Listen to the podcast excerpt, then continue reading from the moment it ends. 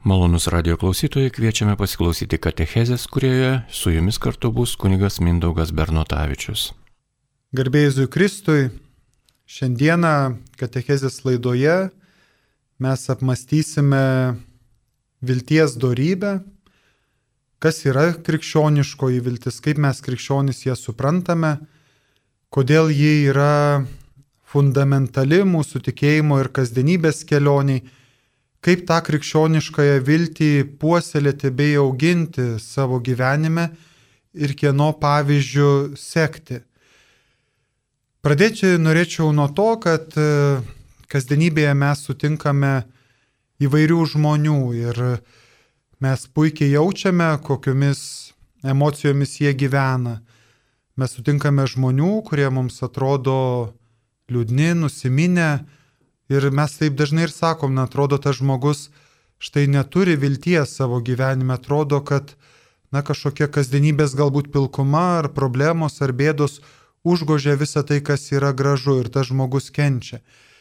Tačiau tuo pačiu mes sutinkam ir žmonių, kurie džiaugiasi gyvenimu ir jie turi savų tikslų, jų vilėsi, jie apie juos dalyjasi su mumis, Sutinkame žmonių ir mums atrodo keista, kaip jie gali kartais net ir sunkiose savo gyvenimo situacijose gyventi tą viltimi.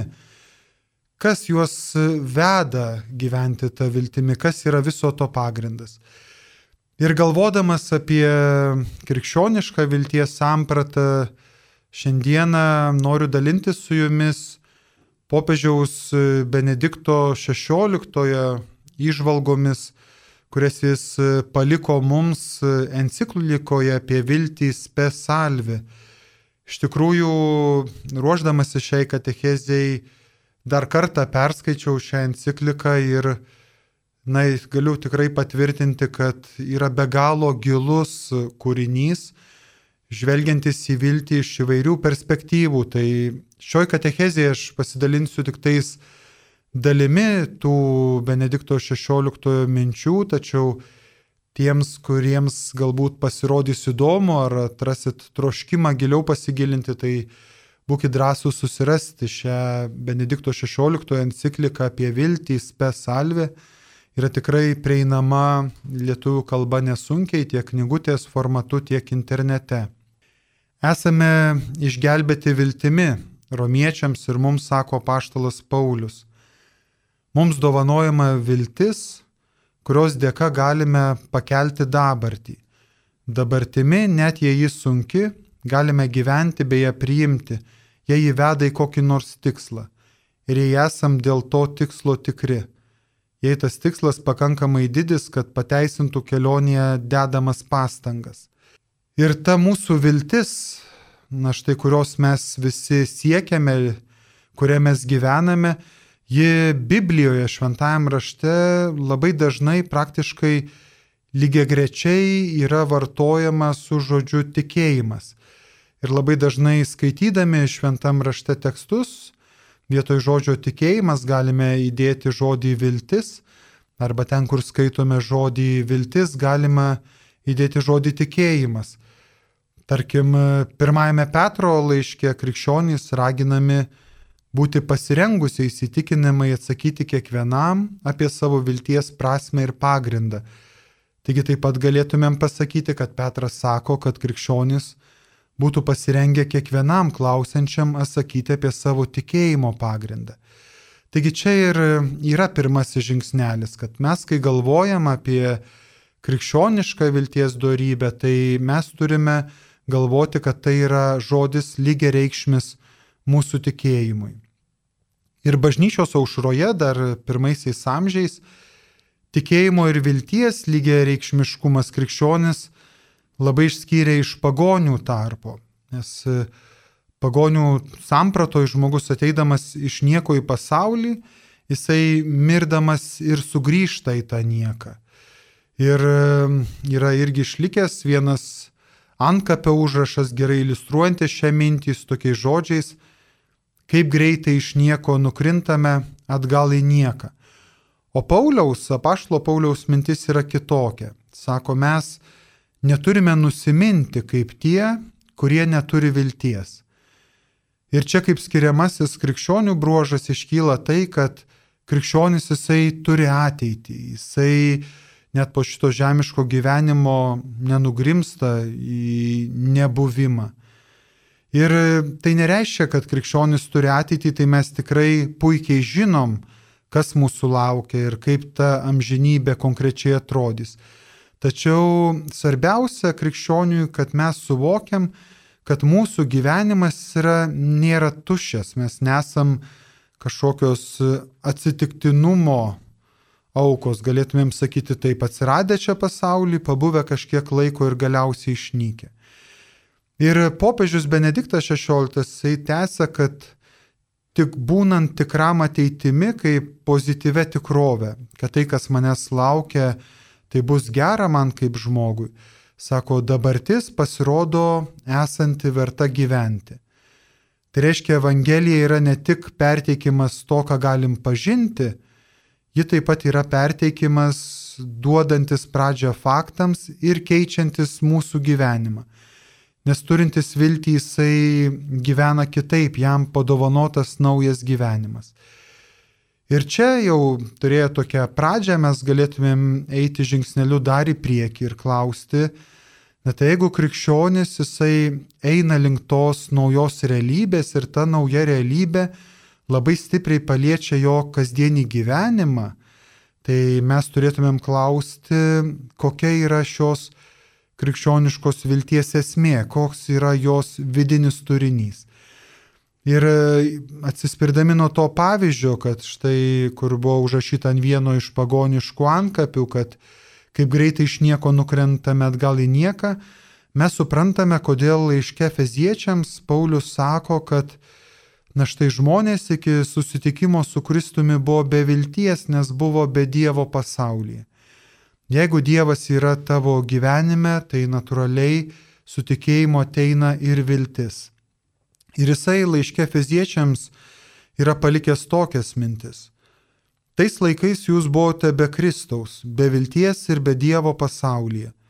Bet dabar Kristuje Jėzuje jūs, kadaise buvusieji toli, esate tapę artimi dėliai Kristaus kraujo.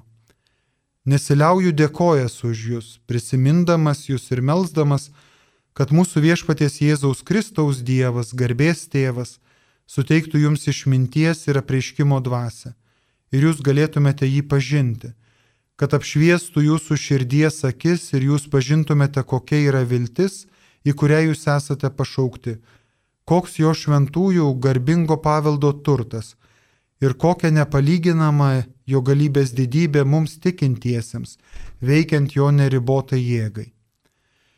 Ir mes dabarties Jėzaus mokiniai ir gyvendami čia Lietuvoje ir kažkur kituose kraštuose, kurie jau gyvenam tokioj krikščioniškoj kultūroje ir mes e, nuo mažens e, po truputėlį Dievą pažįstam, tas Dievo įvaizdis, Dievo samprata, ji mumise auga ir atrodo, kad, na, tas tikėjimas yra kažkur natūraliai mumise yra augęs ir kartais net mes vargiai ir besuvokiam, kad iš tikrųjų susitikimas su Dievu jisai nubrėžia viltį visam mūsų gyvenimui labai konkrečiai. Ir čia yra tikriausiai paradoksas, apie kurį mes turim kalbėti, kad kartais, na štai mes matom vienus ar kitus tikinčius mūsų brolius ar sesis ir Jie vaikšto sekmadienį į bažnyčią, jie turi savo maldos praktiką, bet štai jeigu įvyksta didelis išbandymas jų gyvenime, kažkoks didelis iššūkis, atrodo viskas byra ir tie žmonės kažkur tą viltį pameta, ačiū Dievui, jeigu turi bendruomenės narius, kurie gali tame palaikyti, bet kodėl taip greitai ta viltis išblėsta, kuri atrodo yra viso mūsų krikščioniško džiaugsmo pagrindas.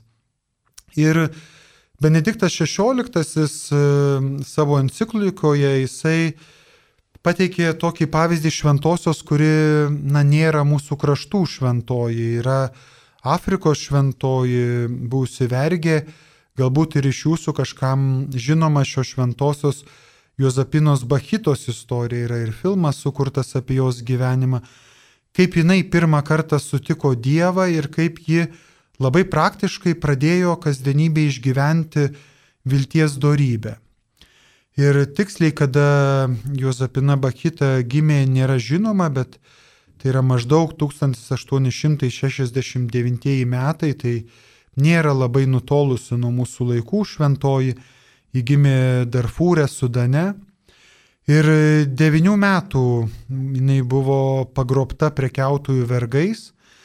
Jos vaikystė buvo be galo sudėtinga. Ji ir buvo krūvinai sumušta ir penkis kartus parduota Sudano vergų turguose. Ir taip jau atsitiko, kad galiausiai tapo vieno generolo motinos ir žmonos vergė tarnaitę. Ir ji buvo kasdien plakama iki kraujo tiesiog kad tie žmonės vergvaldžiai galėtų pasimėgauti. Ir, ir nuo to laiko jai visam gyvenimui yra išlikę, buvo išlikę 144 randai. Taigi, ką nori ir popiežius pabrėžti, kad e, tos šventosios vaikystė iš tikrųjų neturėjo jokios šviesos ir tikrai vargu ar buvo galima kalbėti apie kokią nors viltį, kai tu esi nuolat išnaudojamas, plakamas arba iš tavęs yra tyčiojamasi. Tačiau kai Bakita turėjo maždaug 13 metų, vienas italų prekiautojas ją nupirko italų konsului ir jinai iškeliavo į Italiją. Ir čia pasikeitė Bakitos patirtis, nes po tokių baisių šeimininkų, kuriems jį iki tol priklausė, Bakita čia galiausiai pažino visai kitokį šeimininką. Ir nėra kalba tik apie tą konsulą, kuris ją priėmė irgi būti vergė jo namuose, bet e, Bachit atsidūrė krikščioniškoj aplinkoj ir jinai čia turėjo galimybę pažinti gyvą į Dievą, Jėzaus Kristaus Dievą.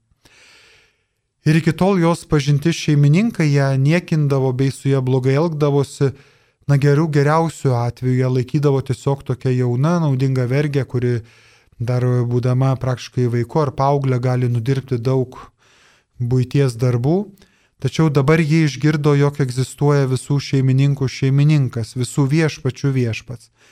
Ir kad tas viešpats yra geras ir yra pats gerumas. Ir ji patyrė, kad tas viešpats pažįsta ir ją, kad ji irgi yra jos sukurta, mažo to mylima. Ji irgi buvo mylima šio aukščiausio šeimininko, kurio atžvilgiu visi kiti šeimininkai tai yra menki tarnai.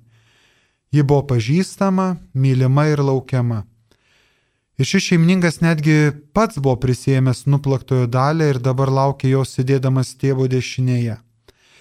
Ir dabar ji turėjo viltį, ne tik kuklę viltį surasti netokius žiaurius šeimininkus, bet ir didelę viltį, kad iš tikrųjų ji yra mylima, kad ir kas nutiktų. Ir ta meilė jos laukia. Ir todėl jos gyvenimas yra geras. Ir paradoksalu, bet būtent taip, pažindama viltį ir pasijutusi Dievo mylima, nors praktiškai kiekvienas sutiktumėm klausydami šitokios jos istorijos, kad ten to gerumo tikrai, nors su adata ieškok šieno kupėtoj nerasi, ji pasijuto esanti atpirkta ir suvokė esanti nevergė, bet laisvas Dievo vaikas. Ir, ir jis suprato, ką norėjo pasakyti apaštalas Paulius, primindamas Efeziečiams, kad jie pirmiau pasaulyje buvo be vilties ir be Dievo, be vilties dėl to, kad be Dievo.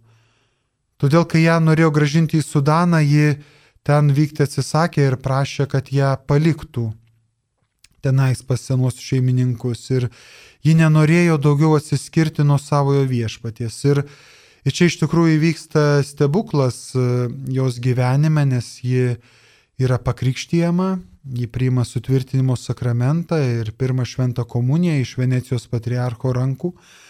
Ir dar vėliau Veronoje ji duoda įžadus, įstoja į Kanosos seserų kongregaciją ir nuo tada dirbdama tokius paprastus darbus Zakristijoje, vienuolino bažnyčios, taip pat prie vienuolino vartų durininkė, ji taip pat darė įvairiausias keliones po Italiją ir stengdavosi pakinti žmonės imtis misijos. Ir vėlgi didysis paradoksas, kad išlaisvinimą patirtą per susitikimą su Jėzaus Kristaus Dievu, ji troško perteikti kitiems, kuo didesniam būriui. Ir jai gimusios ir ją atpirkusios vilties ji negalėjo pasilikti tik savo. Ta viltis turėjo pasiekti daugelį kitų, visus žmonės, kurie buvo aplink ją. Ir Ir iš tikrųjų didysis paradoksas, Bakita daugiau nebekalbėjo apie tą savo baisę vaikystę arba apie paauglystę, ji galėjo nuolat gyventam tamsume sakyti, viskas, mano gyvenimas yra sugriautas, jisai,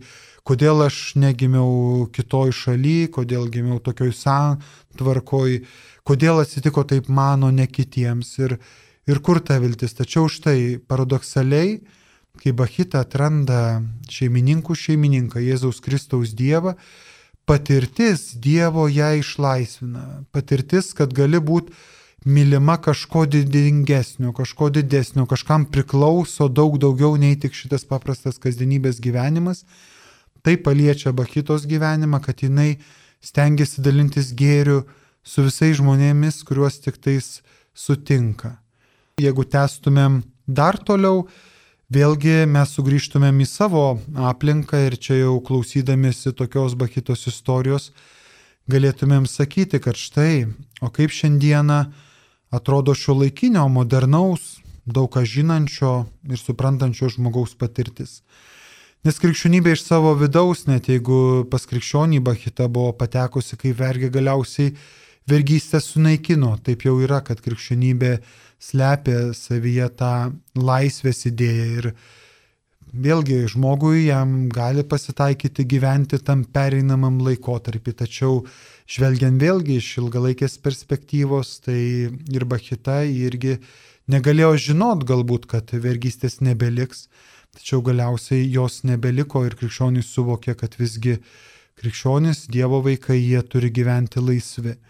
Mes negyvenam Bahitos laikais, negyvenam tada, kada vergystė bent jau tos senosios formos pasikeitė, gyvenam šiais moderniais laikais ir iš tikrųjų mes turim daug priemonių, kurių anksčiau žmonės net gal ir neturėjo.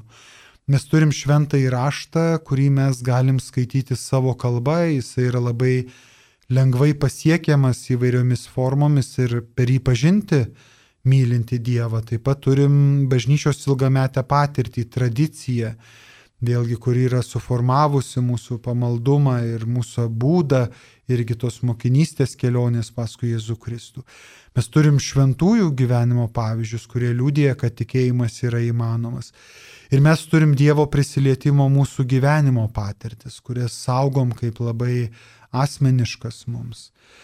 Ir visgi vėlgi, jeigu apsidairom aplinkui, tą grįžtų ir prie, na, pradžioj tų užsakytų savo minčių, kai susitinkam su žmonėm, na štai, savo aplinkoje sutinkam žmonių, kurie iš tikrųjų gyvena tą tokią vidinę viltimį ir mus tai net žavi, kad jie tokie yra motivuoti, pasitikintys, kad yra svarbu tai, ką jie daro kasdienybėje, bet taip pat ir sutinkam žmonių, kurie, na štai, galbūt nuolat dėjoja, nepatenkinti savo gyvenimu, arba žvelgdami į aplinką, į visuomenę kažkaip išskiria tik negatyvius dalykus, neteisingus dalykus, kas juos nuliūdina ir tokio liūdėsio jų gyvenime yra labai daug arba kalbose maitinasi kitų žmonių trūkumais, tarsi reiktų nuolat įrodinėti savo vertę, kad štai ir tas gal blogas, tas to nesugeba, tas tą padarė.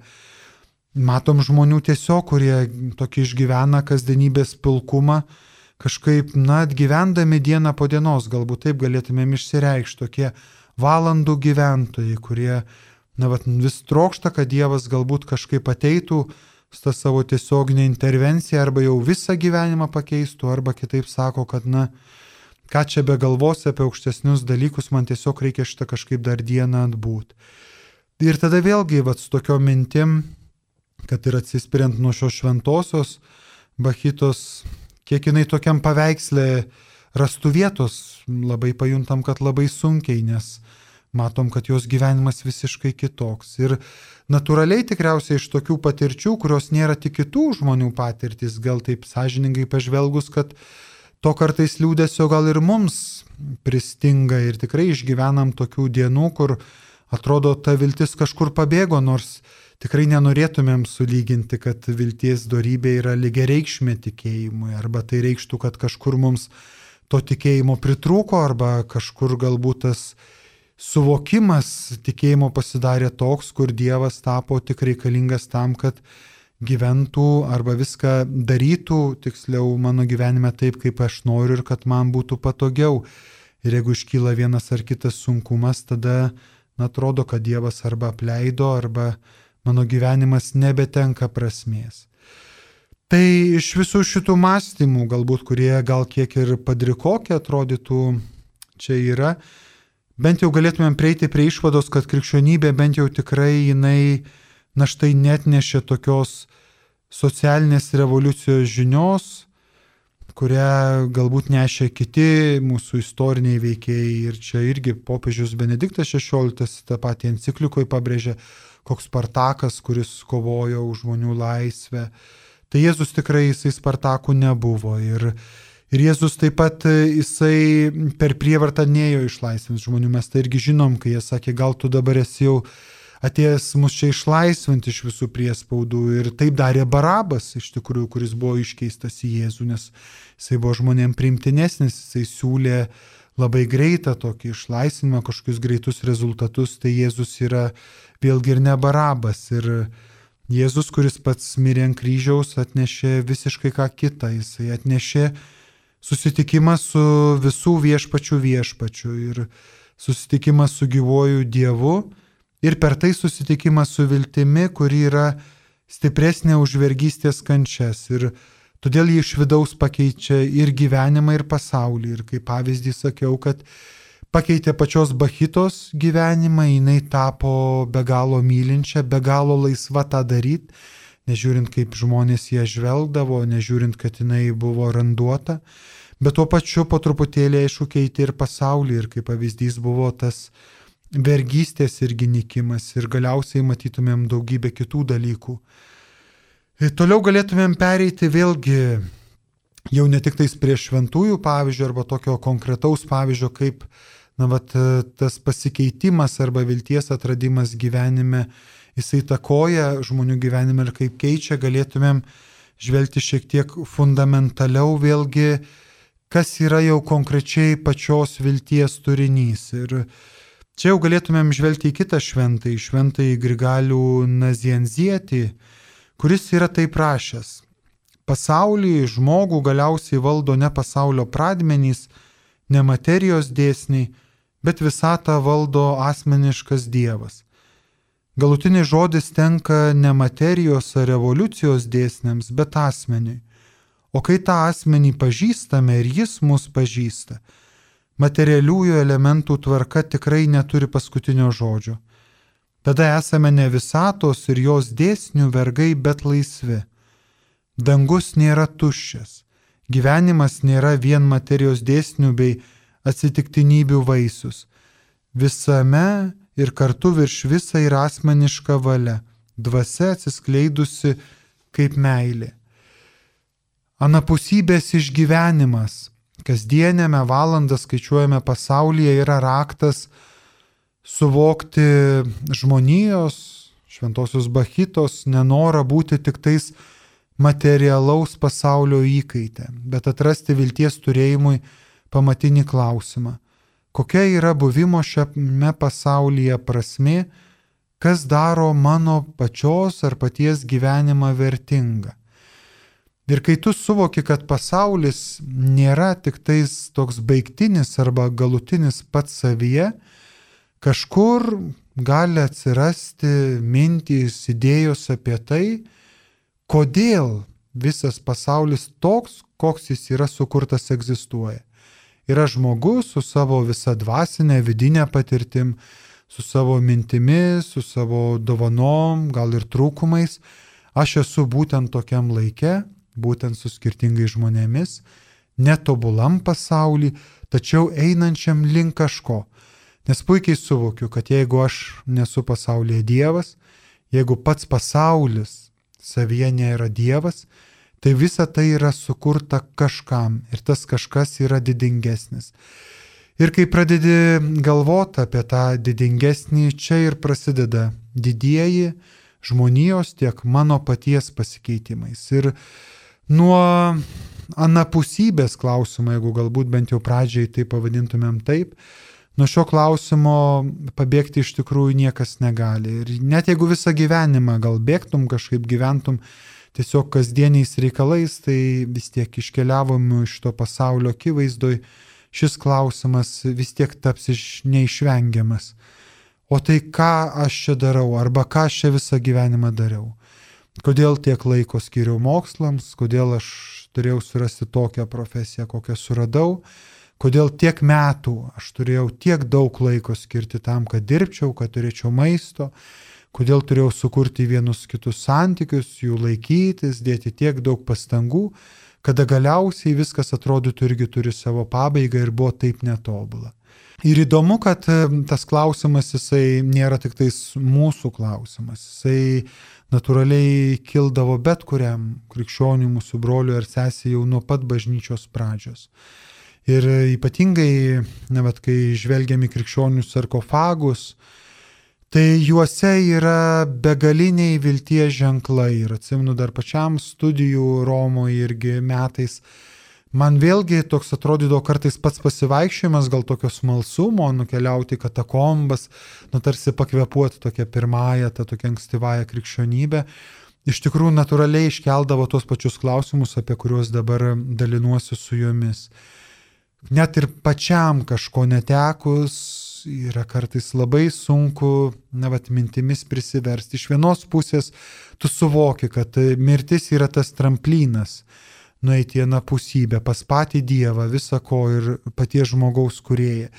Iš kitos pusės visą laiką ypatingai, kai tai liečia tavo artimus žmonės, ar giminaičius, arba labai svarbius tavo gyvenime, tai ateina toks liudesys. Ir net kai pagalvoji apie savo gyvenimą, kad štai jeigu staiga tu sužinotum, kad ateina tavo gyvenimo pabaiga, atrodytų viskas pradeda birėti iš rankų ir ta viltis, kuri šiaip atrodytų mes apie ją kalbam štai ir netgi galim tikrai suprast, kad Kristus yra tas vilties atnešėjas į pasaulį, kartais pasilieka tik tais kažkokiais žodžiais ir galbūt tokia žinoma tiesa, kuri tarsi mus taip ramina ir maitina kasdienybėje, bet taip, kai tu susiduri su mirties realybė, pasidaro baugu, nežinoma ir labai labai baisu.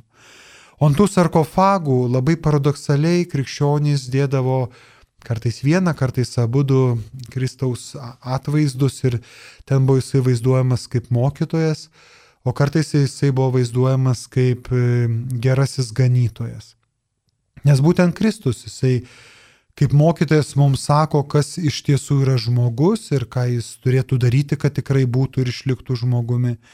Jis mums rodo kelią ir šis kelias yra tiesa. Jis yra ir kelias, ir tiesa, todėl ir gyvenimas, kurio visi ieško. Ir jis rodo mums tolyn už mirties nusidriekiantį kelią. Tik tas, kas įstengia tai padaryti, yra tikrasis gyvenimo mokytas. Jis nemoko tik kaip išgyventi pasaulį, bet moko ir priimti ir jau pradėti kurti pamatus savo amžinajam gyvenimui. Taip pat su, supratimas vaizdžiai išreiškiamas ir ganytojo įvaizdžiu.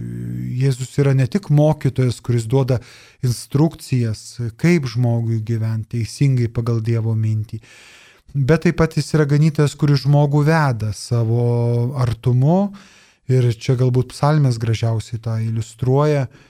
Viešpats yra mano ganytojas, man nieko netrūksta. Nors einu per tamsiausią slėnį, nebijau jokio pavojaus, nes tu su manimi.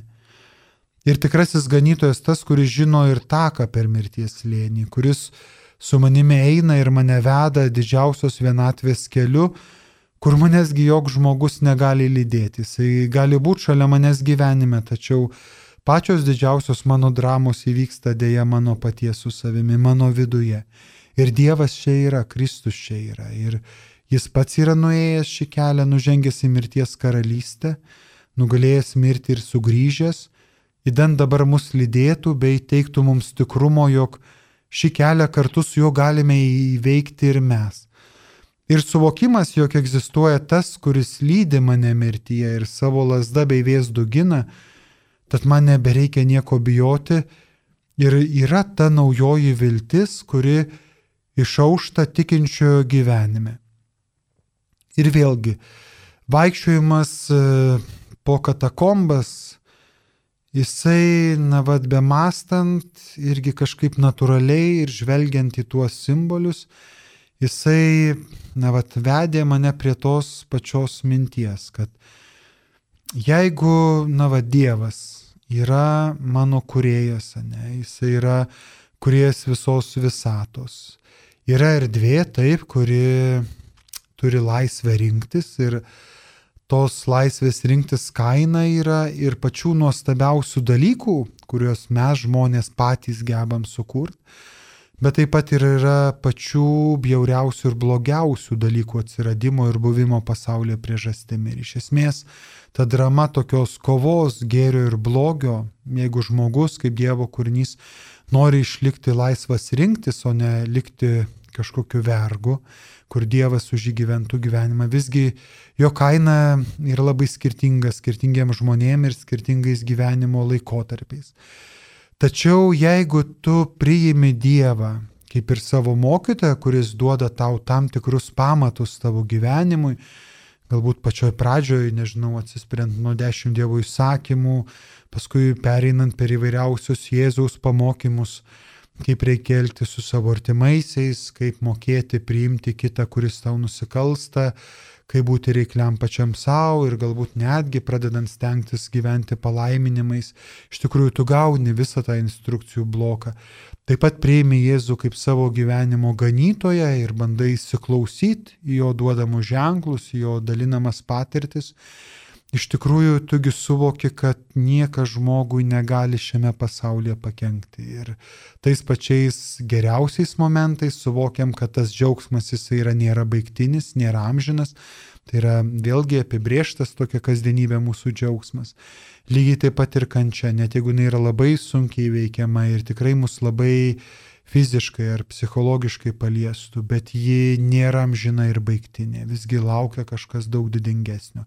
Ir kad Dievas, net jeigu ir yra tie momentai labai sunkus, nes per gerus momentus mes einam daug lengviau per gyvenimą, iš tikrųjų jis yra kažkur labai šalia ir, ir mes tik tais bijom ir užsidarom, kai yra kančia, ateina daug baimės ir atrodo, kad na viskas tada griūva, bet iš tikrųjų Dievas ten yra. Ir, Ir vienintelė, man atrodo, apskritai tokia vilties žinia ir yra tame, kad jeigu tu atsispiri į Dievą, tai tu gali pereiti ir suvokti, kad nesvarbu, kas įvyktų, visgi tos valandos praeinančios jos brangios, nes jos kažką kuria anapusybei. Ir kai tą suvoki, man atrodo, gal ten viskas stebuklingai aplink tave nepasikeičia, bet kažkur po truputėlį atsiranda toksai, na, va, šviesos spindulys ir jis yra nėra dirbtinis, tai yra paties kurėjo spindulys, kuris yra labai tikras. Ir, ir kartais atrodo, na, vad beviltiškose situacijose, tu stojasi, kartais grįbėsi savo bičiulių ar draugų irgi, kad tau pagelbėtų, bet tu nesugriūni gyvenime, tavo gyvenimas kažkur nesustoja, nebetampa jisai be vilties arba kaip Paulius sakytų, tu nebepameti Dievo, nes Jeigu tu natūraliai keltum klausimą, kad, na štai kur Dievas būtent tokiais momentais, tai to atsakymo neberasi, nes yra daug paslapčių pasaulyje ne, ir yra daug neteisingumo. Ir vėlgi, jeigu tu bandysi rasti atsakymus šio pasaulyje, tai galiausiai nusivilsi ir tiesiog pasiliksi vienas su savimi ir, ir pasitikėjimas labai greitai iš tos Dievo patirties vėlgi tau pasiliks tik tais tokia informacija. Ir e, netgi gali ją žinot, kaip minėjau, iš tos patirties, kaip tu vaikštai po tos sarkofagų žvelgdamas į ankstyvosios krikščionybės užmigusius brolius ar sesės. Ir, ir mes galim sakyti irgi, ne, ir kunigai, ar pasauliečiai, kad štai, brangus broli ar sesė, po šio žemiško gyvenimo tavęs laukia amžinasis, todėl tavo gyvenimas vertingas ir tai, ką tu darai diena iš dienos yra svarbu.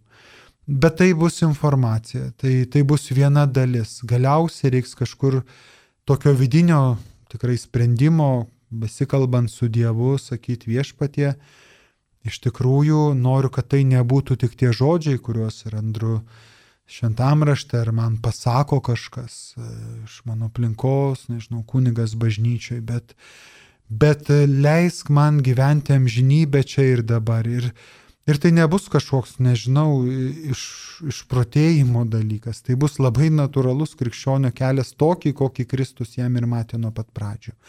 Iš tikrųjų, kad žmogus gyvendamas savo paprastą kasdienybės gyvenimą, jisai visą laiką turėtų viltį ir jo kryptis būtų labai aiškiai amžinybė, nes tada tu gyvenime nesustos. Ir tą gražiausiai iš tikrųjų iliustruoja krikšto apėgos. Tai yra pati krikščionio kelionės pradžia. Ir vėlgi tą verta prisiminti ir tą encikliko irgi, kurie ją visą skaitysit, surasit. Tai yra tie patys pirmieji klausimai, ypatingai kai anksčiau kūdikiai, štai tėvai atneždavo į bažnyčią ar krikštatėviai, tie išgirdavo klausimą, ko prašai bažnyčios? Ir atsakymas buvo tikėjimo. Ką tikėjimas tau dovanoja? Amžinai gyvenimą. Ir būtent tokiu dialogu tėvai ar krikštatėviai siekdavo kūdikiu atverti vartus į tikėjimą, nes e, raktą atidarant į duris į amžiną gyvenimą matė tikinčių bendruomeniai ir tikėjime, kad tie, kurie yra Kristaus mokiniai, jie, na, jau pradeda čia gyventi amžinojų gyvenimu ir jam ruoštis, įsidėti daugybę darybių ir kitų dalykų į savo kaip po žmonių istoriją. Krikščionisgi suvokia, kad žmogaus siela, žmogaus dvasia nėra išnykstanti ir po šio gyvenimo. Ir todėl, bet to paties per krikštą siekiama ir šiandieną, niekas nepasikeitė, lygiai tas pats įvyksta. Tas pats dialogas, gal ten šiek tiek forma pasikeitusi, bet tampant krikščionimi siekiama to ir šiandieną. Ir tai nėra tiesiog tik tais toks prieimimo gal į bažnyčią aktas, kaip kartais galvojam, kad štai jau po krikšto tampa bažnyčios nariu, krikščionim tai yra tiesa, bet krikščionis savyje jisai su tikėjimu prisima viltį. Viltį keliauti per gyvenimą su Dievu, o Dievui nėra neįveikiamų dalykų, jis yra visako viešpats. Tai reiškia, duoda viltį, kad žmogui nieko negali atsitikti. Ir kad tikėjimas, nuo kurio neatsiejama bažnyčia, sakramentai, žmogui dovanos amžiną gyvenimą. Tai viltis yra tokia ir toliau, jeigu dar darytumėm žingsnelį toliau, tai kartais mums magiškas atrodo tas amžinasis gyvenimas, link kurio mes einam. Gerai, mes Dievą prašom, kad Jisai tikrai mus nepaliktų vienų, mūsų nepaliktų vienų, kad Jisai tikrai mus lydėtų link amžinybės. Atsakymas į klausimą, kodėl amžinasis gyvenimas kai kuriems žmonėms lieka tik informacija, o ne gyvenimą formuojanti žinia, galbūt yra tame, kad daliai žmonių atrodo, jog jiems amžinojo gyvenimo neverta siekti. Jie trokšta ne amžinojo, bet dabartinio gyvenimo, kuriam tikėjimas amžinuoju gyvenimu veikiau stoja skersai kelio. Gyventi amžinai be galo atrodo veikiau prakeiktis negu dovana Tiesa, mirtį trokštama kiek galima atitolinti, bet gyventi be pabaigos tai gali būti nuobodu ir galiausiai nepakeliama. Kaip tik tai, pavyzdžiui, teigia bažnyčios tėvas Ambraziejus, sakydamas kalbą per savo iškeliavusio brolio satyro laidutuvės. Mirtis nebuvo prigimties dalis, tačiau tapo prigimtimi. Dievas nebuvo įsteigęs mirties nuo pradžių, bet davė kaip vaistą Dėl nusižengimo pasmerktas nepaliaujamam darbui ir nepakeliamam liūdėsiu žmogaus gyvenimas tapo varganas. Blogybėms turėjo būti padarytas galas, įdant mirtimi būtų atkurta tai, ko trūko gyvenime. Nemirtingumas būtų labiau našta negu dovana, jei nemalonė. Jau anksčiau Ambraziejus buvo sakęs, nėra ko dėl mirties dėjuoti, nes ji yra žmogaus išganimo priežastis. Ir tiesa ta, kad mirties pašalinimas arba jos praktiškai neribotas atitolinimas įstumtų žemę ir pačią žmoniją į nepakeliamą būvį ir neduotų naudos nie pačiam žmogui. Viena vertus nenorime mirti ir kad mirtume pirmiausia nenori tas, kuris mus myli, bet kita vertus netrokštame tai be galo egzistuoti, o žemė tam nesukurta. Tad ko iš tikrųjų trokštame? Toks mūsų laikysenos paradoksalumas, verčia kelti dar gilesnį klausimą. O kas iš tikrųjų yra mano gyvenimas? Ir kada iš tikrųjų aš gyvenu? Ir gyvenimas tai yra santykis. Santykis su tuo, kuris yra gyvenimo versmė. Jei mus sieja santykis su tuo, kuris nemiršta, kuris pats yra gyvenimas ir meilė, tada esame gyvi, tada gyvename. Būtent čia įvyksta didysis sprogimas, išlaisvinantis ir realiai keičiantis mano gyvenimą. Kai mes patiriam, kad buvimas su Dievu tai yra tikroji mūsų gyvenimo forma, kažkur tyliai į mūsų gyvenimą ateina ir viltis. Ir po truputėlį, kaip šventasis Augustinas sakė, mes galime įsitraukti į buvimą dėl kitų.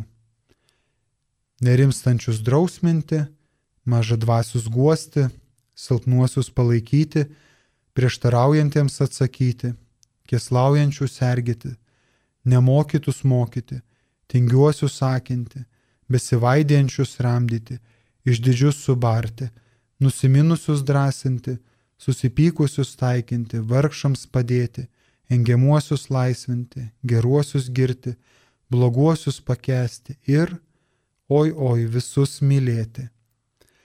Evangelija gazdina, tačiau kviečia mus tokiam gyvenimui, kuris yra paremtas nesibaigiančia viltimi. O ją mes kuriame ir stipriname įvairiais momentais. Pirmiausia, mūsų kalba su Dievu, kai mes ruošiam savo erdvę ir įsileidžiam Dievą į savo gyvenimą. Tada, kai mes labai praktiškai veikiam kitų žmonių tarpe, veikiam genami meilės ir troškimo gerumo jiems, Veikia ir tada, kai mes kančią priimam vėlgi kaip vilties mokymosi vietą, kai mes ją išgyvenam, išlaikom, ji mūsų brandina ir padaro dar stipresnius. Ir jau vėliau veikdami stengiamės, kad tokių daugiau patirčių bent jau kitų žmonių gyvenime būtų kuo mažiau. Ir galiausiai priimam pačią Mariją, Dievo motiną, išgyvenusią viltimi visą savo gyvenimą Jėzaus akivaizdoj, kaip savo vilties žvaigždę, kada prašom, kad galbūt, kai mums tikrai pasidaro tamsu, kad ji ateitų kaip mūsų užtarėjai ir vestų mus per gyvenimą. Trumpos išvalgos jos tikrai neišsėmė visko, ką talpina savyje ši vilties darybė, tai galbūt tam tikri momentai, šiek tiek gal išskaidyti, bet su vieninteliu tikslu kad mes, kai mastom apie didžiasias darybės ir ypatingai šį kartą apie vilties darybę, kad ji nepasiliktų kažkuo tolimu, tiesiog tokiu pasakymu, kad štai mums yra svarbu, arba kad viltis tai reikštų tik tai, kad, na, vat, mums kažkas pasiseks, bet iš tikrųjų ji savie talpina be galo gilius ir svarbus mūsų egzistencijai dalykus. Tai ir mūsų visą laukimą, ateities buvimo viešpaties akivaizdoj, taip pat talpina ir patį mūsų santyki su Dievu. Dėkoju tiems, kurie turėjot kantrybės visose šitose mintise nepasimest ir tikrai kviečiu, išgirdus šią katechezę, nebijoti skaityti Benedikto XVI encikliką Spe Salvi, encikliką apie viltį gilintis, ten surasti daug daugiau ir platesnių išvalgų, te būna ši darybė visų mūsų tikėjimo pamatų. Su jumis buvo kunigas Mindaugas, dėkoju už klausimą ir sudė.